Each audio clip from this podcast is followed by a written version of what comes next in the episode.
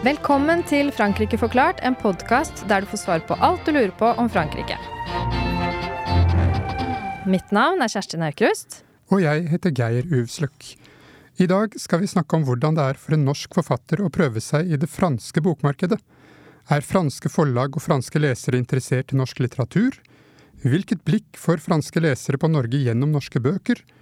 Hvordan forholder man seg som norsk forfatter til sin franske oversetter, og hvordan er den franske bokbransjen sammenlignet med den norske?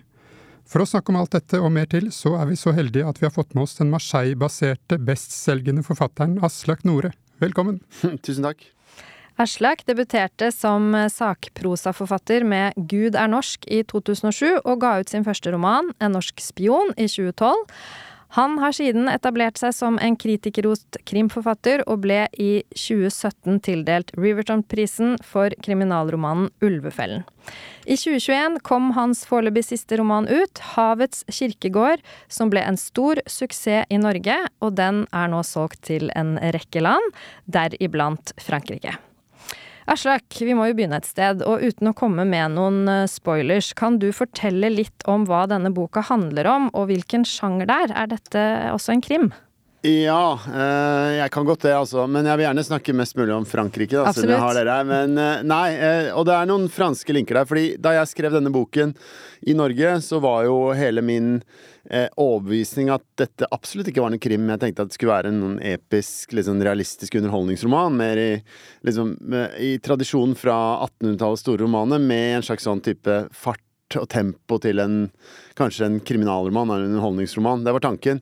Men så var den første anmeldelsen, og den skal jeg ikke klage på, det var en sekser i VG, og som sa forrykende krim, og da Ja vel, så var det krim, da.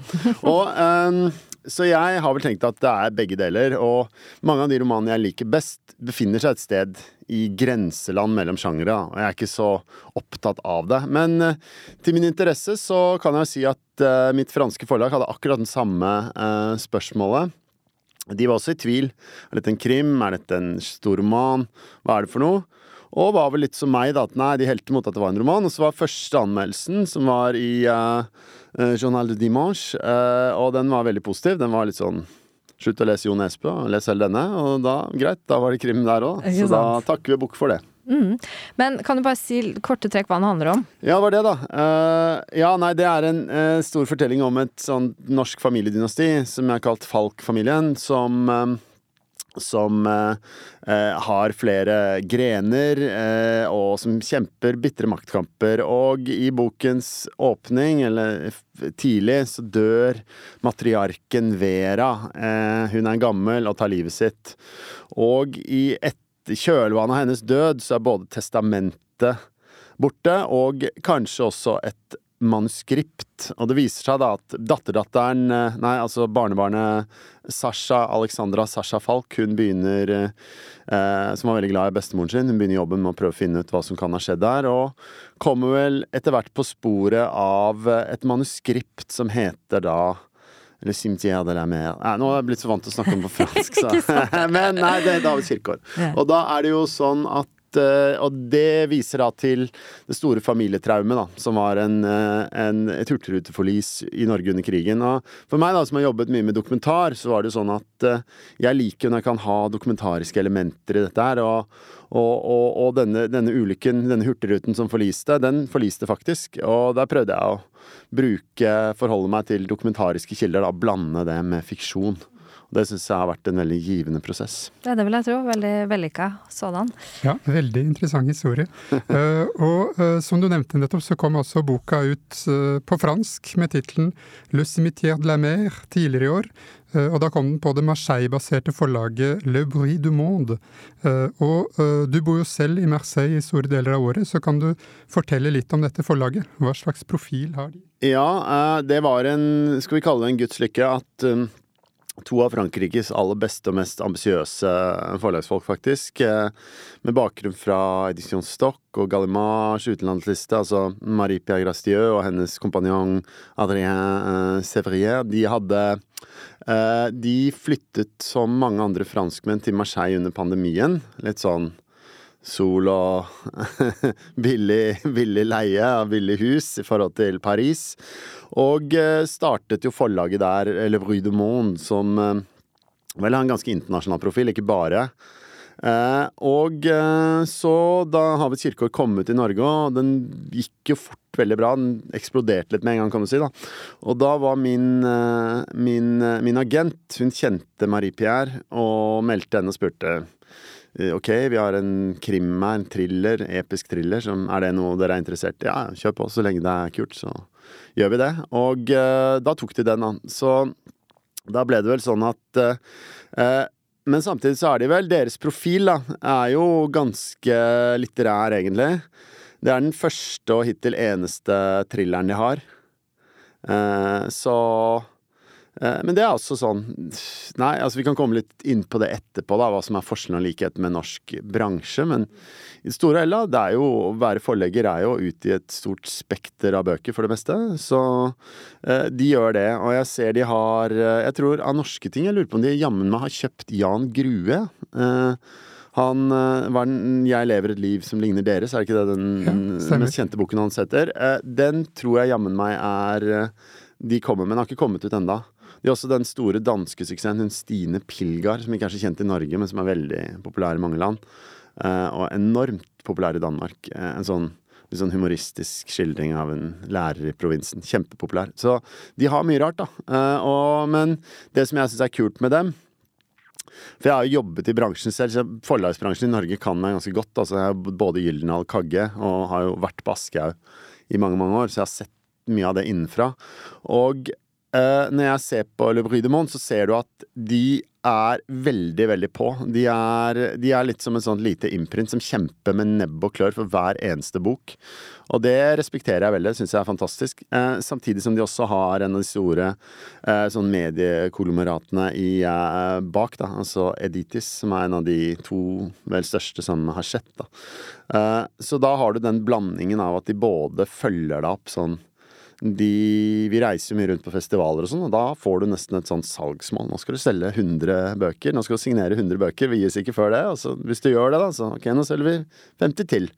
Og jeg som er oppvokst i liksom skolen til Erling Kagge og disse her, da, jeg vet at det er sånn det er. Og det er litt kult å se at selv i Frankrike, da, som mange kanskje har et bilde av hvert fall forlagsbransjen som en litt sånn snobbete, jålete sted der man ikke driver med sånt, så er det akkurat det de gjør. Ja, Så det er full konkurranse. Vet du forresten, for det er Tradisjonelt så er det et forlag som heter Acte Sud, som gir ut veldig mye skandinavisk litteratur i Frankrike. Mm. Tror du uh, Le Bruit du Monde kan bli en uh, konkurrent med dem etter hvert? Nei, skal du ikke se bort fra. Jeg kjenner jo godt til Acte Sud, altså. Uh, han, uh, datteren min går på en skole som er startet av han som, som også tragisk døde, han Kapitani, eh, som var grunnleggeren. Han var gift med hun, eh, hun, hun tidligere franske kulturministeren, hva hun heter igjen. Eh, Ja, under François Nissen. Ja. Ja. Eh, og, eh, og eh, Men jeg tror kanskje at eh, ja, ja, mitt inntrykk er at uh, Bruy de Monde er veldig på vei opp og fram. Og Actes jeg skal ikke nedsnakke dem, men de har kanskje ikke vært like gode nå som de var en periode. I utgangspunktet så virker det jo som en vanskelig oppgave for en norsk forfatter å slå gjennom i det franske bokmarkedet. Det er jo ikke mange som har klart det tidligere. Hva slags forventninger hadde du personlig til, til hvordan dette skulle gå? Altså mottagelsen i forkant av utgivelsen? Uh, ja. Uh, nei, det er riktig som du sier, at det er faktisk veldig få som gjør. Uh, og det er Så jeg hadde jo en blanding av stormannsgalskap, som jeg prøver alltid å ha, og eh, realisme. For jeg hadde jo for eksempel vært utgitt i Sverige og Danmark med Havets kirkeår i fjor. Ganske stille og ikke så mye som skjedde. Liksom, en anmeldelse her og der, men liksom ikke veldig mye. Men jeg merket fort at eh, Adrien og Marie-Pierre de hadde helt andre ambisjoner. De, eh, de, eh, de ville at dette skal vi gjøre.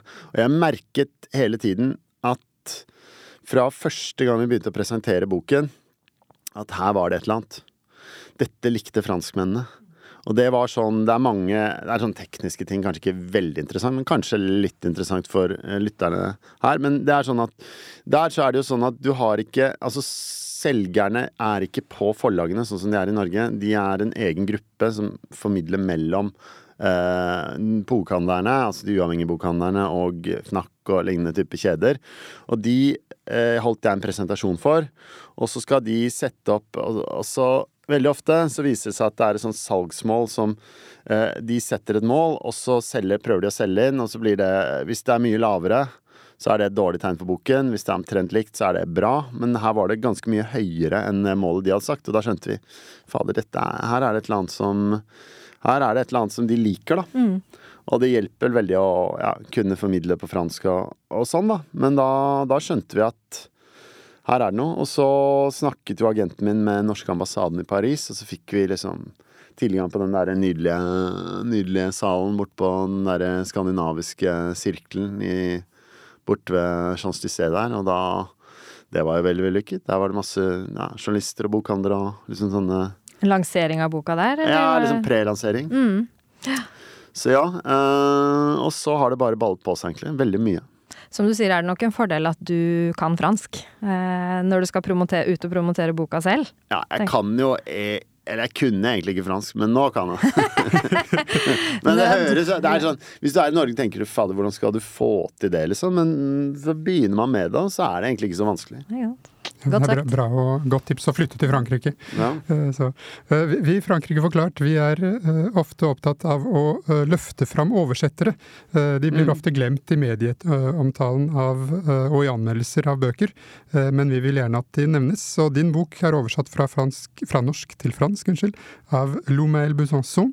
Og kan du si litt om hvor involvert du var i den oversettelsesprosessen? Mm, jeg må først få lov å si at jeg syns hun gjorde en helt fantastisk jobb, etter hva jeg kan bedømme. og det er jo en del oversatte bøker, enten det er eh, Elena Ferrantes bøker eller alle mulige, som sies at de er mye bedre på oversatt enn på originalspråket. Jeg har kanskje en mistanke om at den er litt bedre på fransk enn, på norsk, men nei, jeg, jeg syns hun var veldig god. Eh, jeg hadde faktisk mye mer med den engelske oversetteren å gjøre, men det mener jeg er fordi Lomael er så dyktig, da. Vi hadde to møter. Bare sånn smack, smack, smack. Hun spurte meg. Og vi gjorde det, og så var det ikke noe Og nei, jeg, har, syns hun var veldig, veldig god. Og jeg er helt enig at eh, hun og andre oversettere bør absolutt uh, løftes fram. Men det var egentlig veldig sånn Ofte med oversettere så kan det være litt sånn mye mikk-makk, altså, men det var det overhodet ikke her. Det var Vet du om hun støtter på noen spesielle utfordringer med tanke på de norske referansene? Ja, klart du gjør det. Ja. Eh, det er jo masse sånne ting som er sånn Det merket jeg på, sånn, på alle språk, egentlig. Hvorfor Du vet sånn, Det er en referanse i boka, det er til og med et kapitteloverskrift sånn Du skal ikke lære faren din å prikk, prikk, prikk.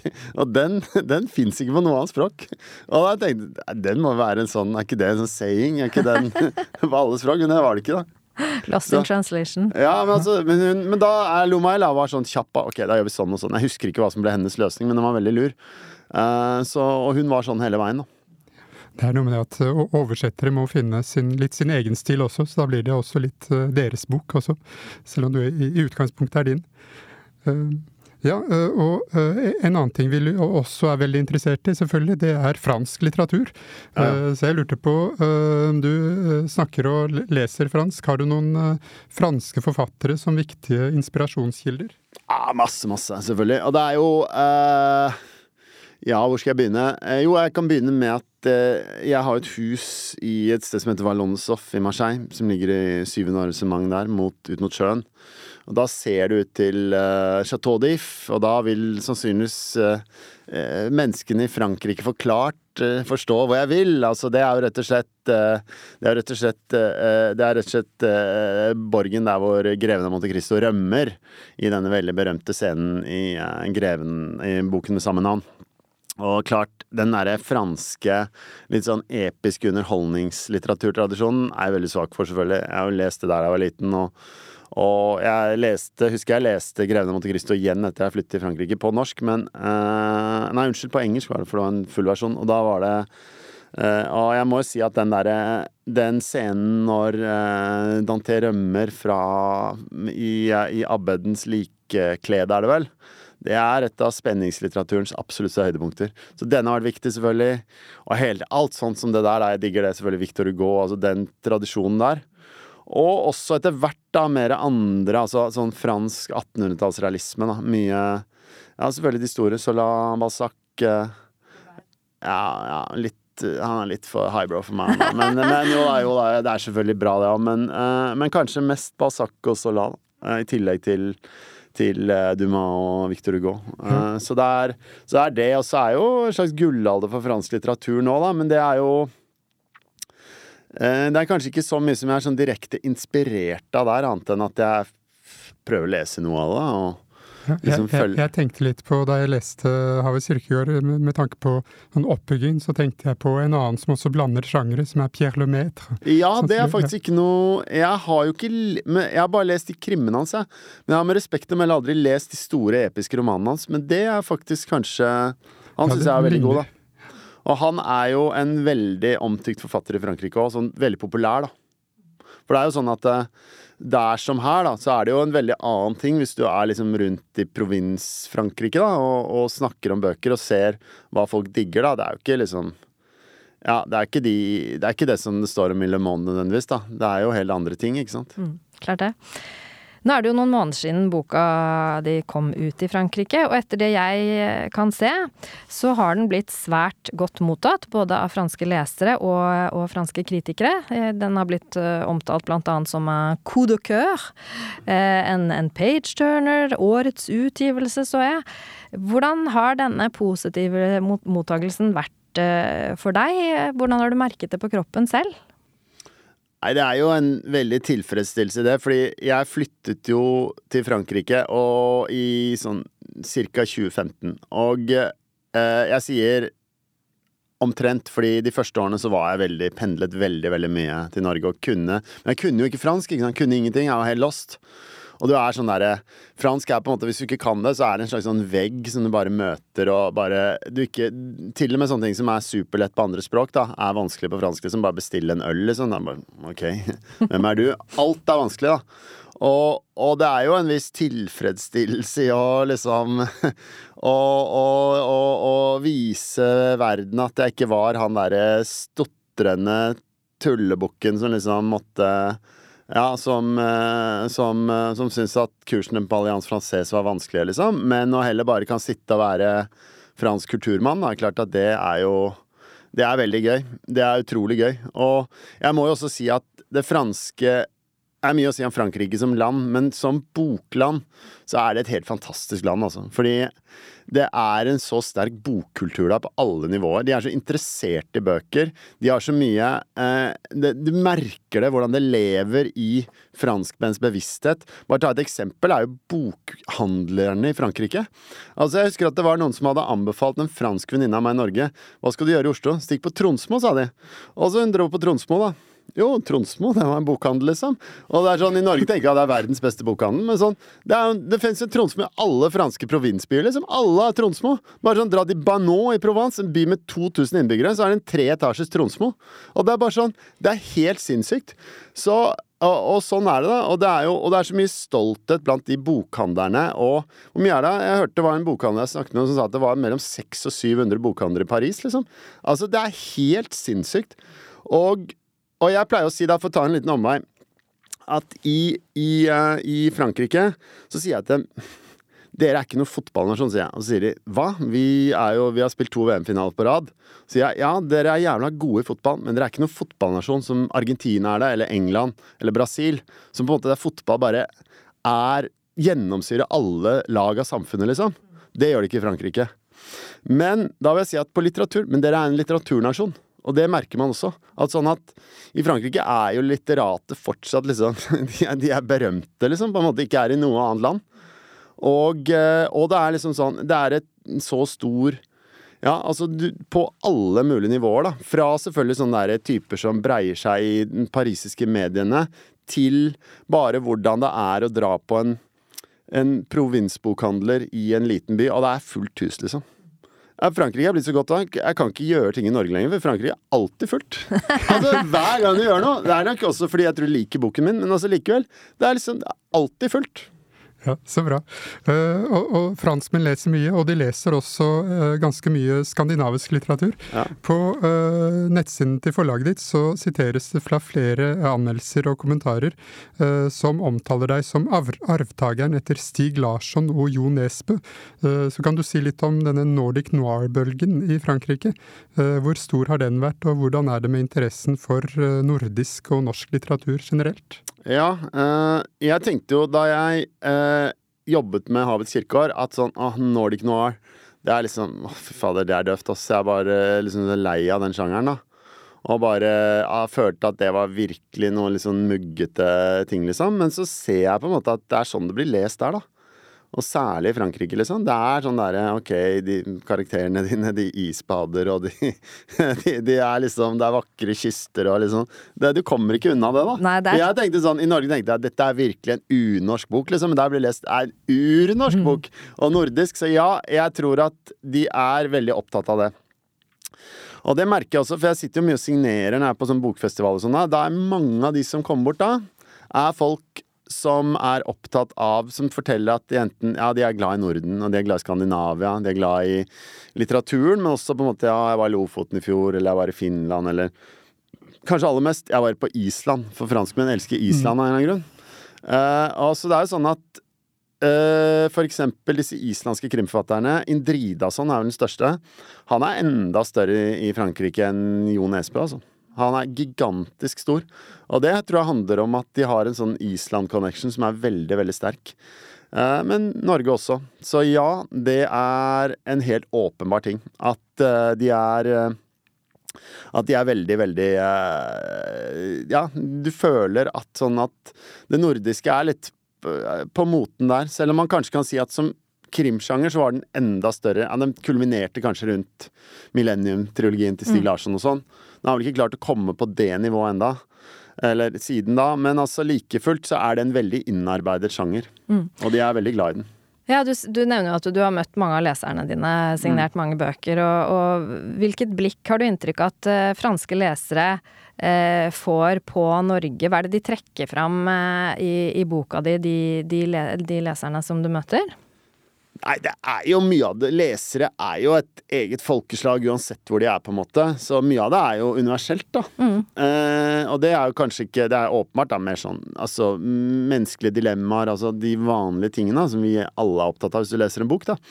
Men det er klart at sånn, ja, de syns nok at uh, det eksotiske ved Norge er, uh, er interessant, da. Jeg har husker at Eh, kjæresten min hadde stå, satt med en sånn Norge Lonely Planet. Og så er det sånn starten av Lonely Planet så er det sånn topp ti attractions i ethvert land, ikke sant.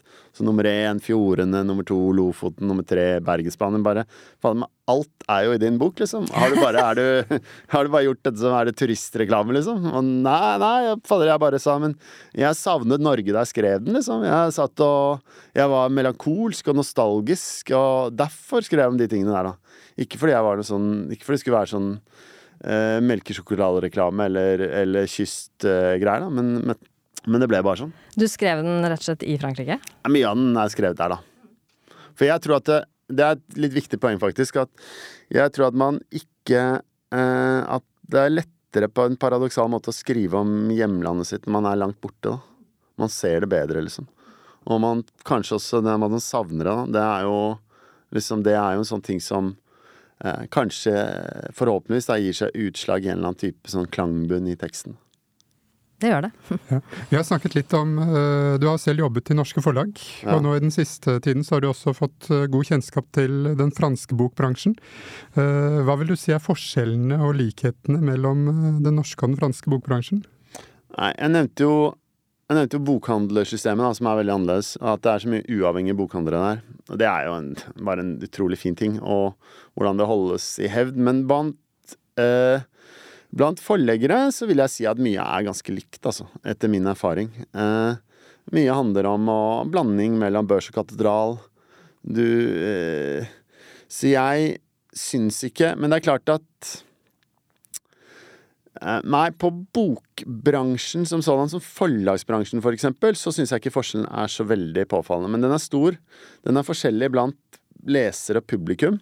Og den er forskjellig blant bokhandlere, først og fremst. Fordi, også fordi at det, franske lesere Havets kirkegård, for eksempel, er jo en ganske kompleks roman. Den er forhåpentligvis lett å lese. Men jeg har et inntrykk av at de er mer trent i den type kompleksitet enn leser i mange andre land. Eh, altså sånn at den type sånne metahistorier og sånn his, historie inni historien Det er ikke ukjent for andre lesere, men jeg tror kanskje spesielt at franske lesere eh, liker det. Og de er jo også Ja, de er jo vant til å lese ganske mye litteratur. De liker å lese mye forskjellig. Altså, det er jo selvfølgelig den litterære delen av det er jo stor, men også veldig mye annet. Så mm. jeg syns de er ganske sånn så der er det en forskjell, tror jeg, i litt sånn resepsjonsapparatet på et eller annet vis. Da. Det er et mye større land også, selvfølgelig. Men hovedforskjellen er nok at Norge, selv om Norge er et ganske litteraturinteressert land, så oppleves Frankrike som bare at litteraturen betyr mer der enn i noe annet land jeg har vært i. Og det er utrolig kult, altså. Til slutt, Aslak. Du, du, bor jo som nevnt i, i, Marseille store deler av året, og det er jo Frankrikes eh, nest største by. Huser nærmere 900 000 innbyggere og nærmer seg altså en millionby. Og det er en nydelig havneby som ligger ved, ved, Middelhavet, samtidig som den sliter med store utfordringer. Den siste tiden har vi jo sett oppslag i fransk presse om både bygninger som raser sammen med tragisk utfall, og det er ikke første gang, og om et stort og brutalt narkotikamiljø som i så langt, så langt i år har krevd 13 menneskeliv. Du som bor i byen, kan du ta oss med bak disse avisoverskriftene? Hvordan, hvordan opplever du eh, Marseille sett fra innsiden? Ja, øh, det er jo sånn at øh, alt dette er jo i høy grad reelt. Altså, ingen skal påstå noe annet enn at det er enorme problemer i Marseille. Uh, og for å ta de to tingene du nevner, da, så er det jo sånn at den bygningsmassen der er jo ganske skandaløst. Det, skjedde, det har skjedd to ganger i min botid der at bygninger har falt sammen med konsekvenser for andre. Og kommer garantert til å skje igjen. Det er sånn, Jeg husker jo at liksom bare min eh, Jeg hadde jo selv et tak jeg, som eh, datt sammen som følge av kraftig regnvær for liksom fem år siden. Og det er jo Det skjer ikke så ofte i Norge, det, på en måte. Eh, og hva angår, nei, hva angår, hva angår det, hele den Jeg tror vel at de jeg kjenner som jobber innenfor sånn statsadvokaten eller sånn i Marseille, da, sier at det som gjør den narkokrigen så ekstra ille nå, er jo den klassiske at det, ikke, at det er et sånt vakuum. Det er ikke én bestemt gruppering eller en boss. Det er en kamp om territorium da, som har gjort det. Men det er ganske fryktelig, altså. Det er Og jeg Ja, altså, jeg har jo Kjæresten min jobber jo på en sånn skole som det, og jo, sier jo at liksom, det er sånn der at du har elever som liksom mister broren sin i narko-gangsteroppgjør, liksom. Og det er jo helt vilt. Så det har det. Samtidig så er jo Marseille en ekstremt klassedelt by òg. Fordi deler av Sør-Marseille, da, eh, liksom de sjette, syvende, åttende arrangementene som ligger nede der, de er jo ja, Det ligner mer på en måte sånn du ser for deg mer lenger på, på Côte d'Azur, eller på Rivieraen, og er jo eh, Og der oppleves det Det oppleves mye mindre sånn eh, mindre sånn eh, skremmende enn det man kanskje skulle tro, da, på den måten. Altså at sånn at ja, jeg føler meg aldri utrygg på gata i Marseille, f.eks. Selv på nattestid, og det er litt overraskende, kanskje. Det er ikke så mye sånt der. Uh, men, uh, men det er først og fremst en fryktelig tragedie for de det gjelder, da. Og det er jo fattige folk, stort sett i Le Cartier Nord, som ligger altså nord for Viepol. Og der er det Så Ja, nei, og det er jo sånn, det er så mye ikke sant, Marseille er jo en sånn by som statsmakten i Frankrike har liksom prøvd å rydde opp der i hundrevis, og de klarer det ikke. Det er så dysfunksjonelt, liksom. Ja, det men går... tror, du, tror, du, det skyldes dårlig politisk styring, disse problemene? Ah, altså, akkurat disse problemene vet jeg ikke, men stort sett så vil jeg nok mene at mye av det i Marseille gjør det. For det, det er jo ikke noe grunn til at det skulle være eh, Altså, det er jo ikke sånn Og bare på alt mulig som handler om sånn der eh, Liksom renovasjon og sånn. Det er ikke dårlig søppeltømming hvis du kommer til Nant, liksom. Er bare Der er det orden og reda, liksom. Men det er jo ikke det i Marseille. Det er noe helt annet. Og hva det er, da. Eh, jeg blir aldri helt klok på det, men jeg kan ikke fristille meg fra tanken om at det handler om en dysfunksjonell politisk kultur, ja. Det tror jeg nok det gjør. Eh, og eh, Nei, det er, det er Så det gjør på en måte at man er veldig sånn ambivalent for hele stedet her. Det er et fantastisk sted å være på mange måter. Og det er jo også mer og mer pariser og sånn, som vi nevnte litt i innledningen, da, som kommer dit og bosetter seg der. Men også en del som etter et års tid da får nok og bare Ja, det, det er Ja, for når det er liksom ja, altså litt sånn apokalyptiske Noen søppelstreiking på tredje uka med Mistral, liksom. Altså det er, da er det ganske Da er det ganske ille. Dårlig kombo. Så nei, da, nei men, men, jeg er nå veldig glad i det. Og syns jo Marseille er et veldig, veldig, eh, et veldig vakkert sted. Så bra. Eh, med eh, god mat eh, er det også der, og flott vær, som du sier også. Så det er absolutt et sted å besøke, men man bør kanskje holde seg unna de nordlige forstedene.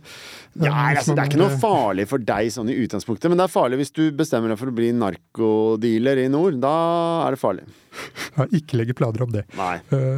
Aslak, på slutten av hver episode så ber vi gjesten vår om å komme med en fransk anbefaling. Hva er anbefalingen din til lytterne våre? Ja, jeg får kanskje få lov å anbefale noe fra Marseille, da. Jeg er jo, uh, jeg er jo glad i Altså, stedet jeg bor, som heter Valonsoff, er jo et veldig uh, Som ligger i syvende arrangement i Marseille. Det er et nydelig sted om, på forsommeren. Og der kan jeg anbefale varmt å ta en Aperol, da. Og der ligger også forskjellige restauranter og sånn som det. det andre stedet jeg tenkte på, var Jeg er jo Har vært veldig mye rundt i Provence. Og og det er jo mye. Og mange kjenner kanskje til liksom, de turiststedene som ligger der, enten det er sånn Luberådalen og sånn som det. Men uh, jeg vil gjerne slå et slag for noe som heter uh, Vallée de Tolorenc, eller Tolorencdalen, som ligger bak Mont Ventoux. Uh, det syns jeg er der ligger, der ligger det sånne uoppdagede landsbyer som egentlig er minst like vakre som dem i Luberon, og er mye, mye mindre besøkt av turister. Så Dra f.eks. til en liten landsby som heter Brant. Det er et helt magisk sted. Så bra. Mange skatter å oppdage i Frankrike. Kjerstin, har du også en liten anbefaling? Ja, det har jeg. Jeg vil gjerne anbefale en podkast fra France Inter som heter Vie Française. Den gir et innblikk i eh, hverdagslivet til det den franske radiokanalen selv eh, kaller eh, héros ordinaire, altså vanlige helter. Og her møter vi eksempel hjemmesykepleieren Severin, eh, eller minstepensjonisten Bernadette. Det er nydelige portretter av, av franskmenn, eh, som oftest er helt fraværende i, i nyhetsbildet for øvrig. Anbefales. Flott. Da gjenstår det bare å takke vår gjest Aslak Nore, og så høres vi igjen i neste episode av Frankrike forklart. Au revoir. Frankrike forklart er et samarbeid mellom Universitetet i Oslo og Høgskolen i Østfold. Podkasten er støttet av Det norske universitetssenteret i Paris og Institut Francais i Oslo, og har full redaksjonell frihet. Abonner på Frankrike forklart på iTunes, Spotify eller på andre plattformer der du lytter til podkast. Har du kommentarer til oss eller forslag til temaer vi bør ta opp, kan du sende inn det via vår Facebook-side Frankrike forklart. Alle dagens referanser ligger på denne Facebook-siden og på nettsiden vår. Vi skriver en kronikk i forbindelse med hver episode som belyser dagens tema fra en litt annen vinkel. Kronikken finner dere på forskning.no, Transitmagasin og på nettsiden vår.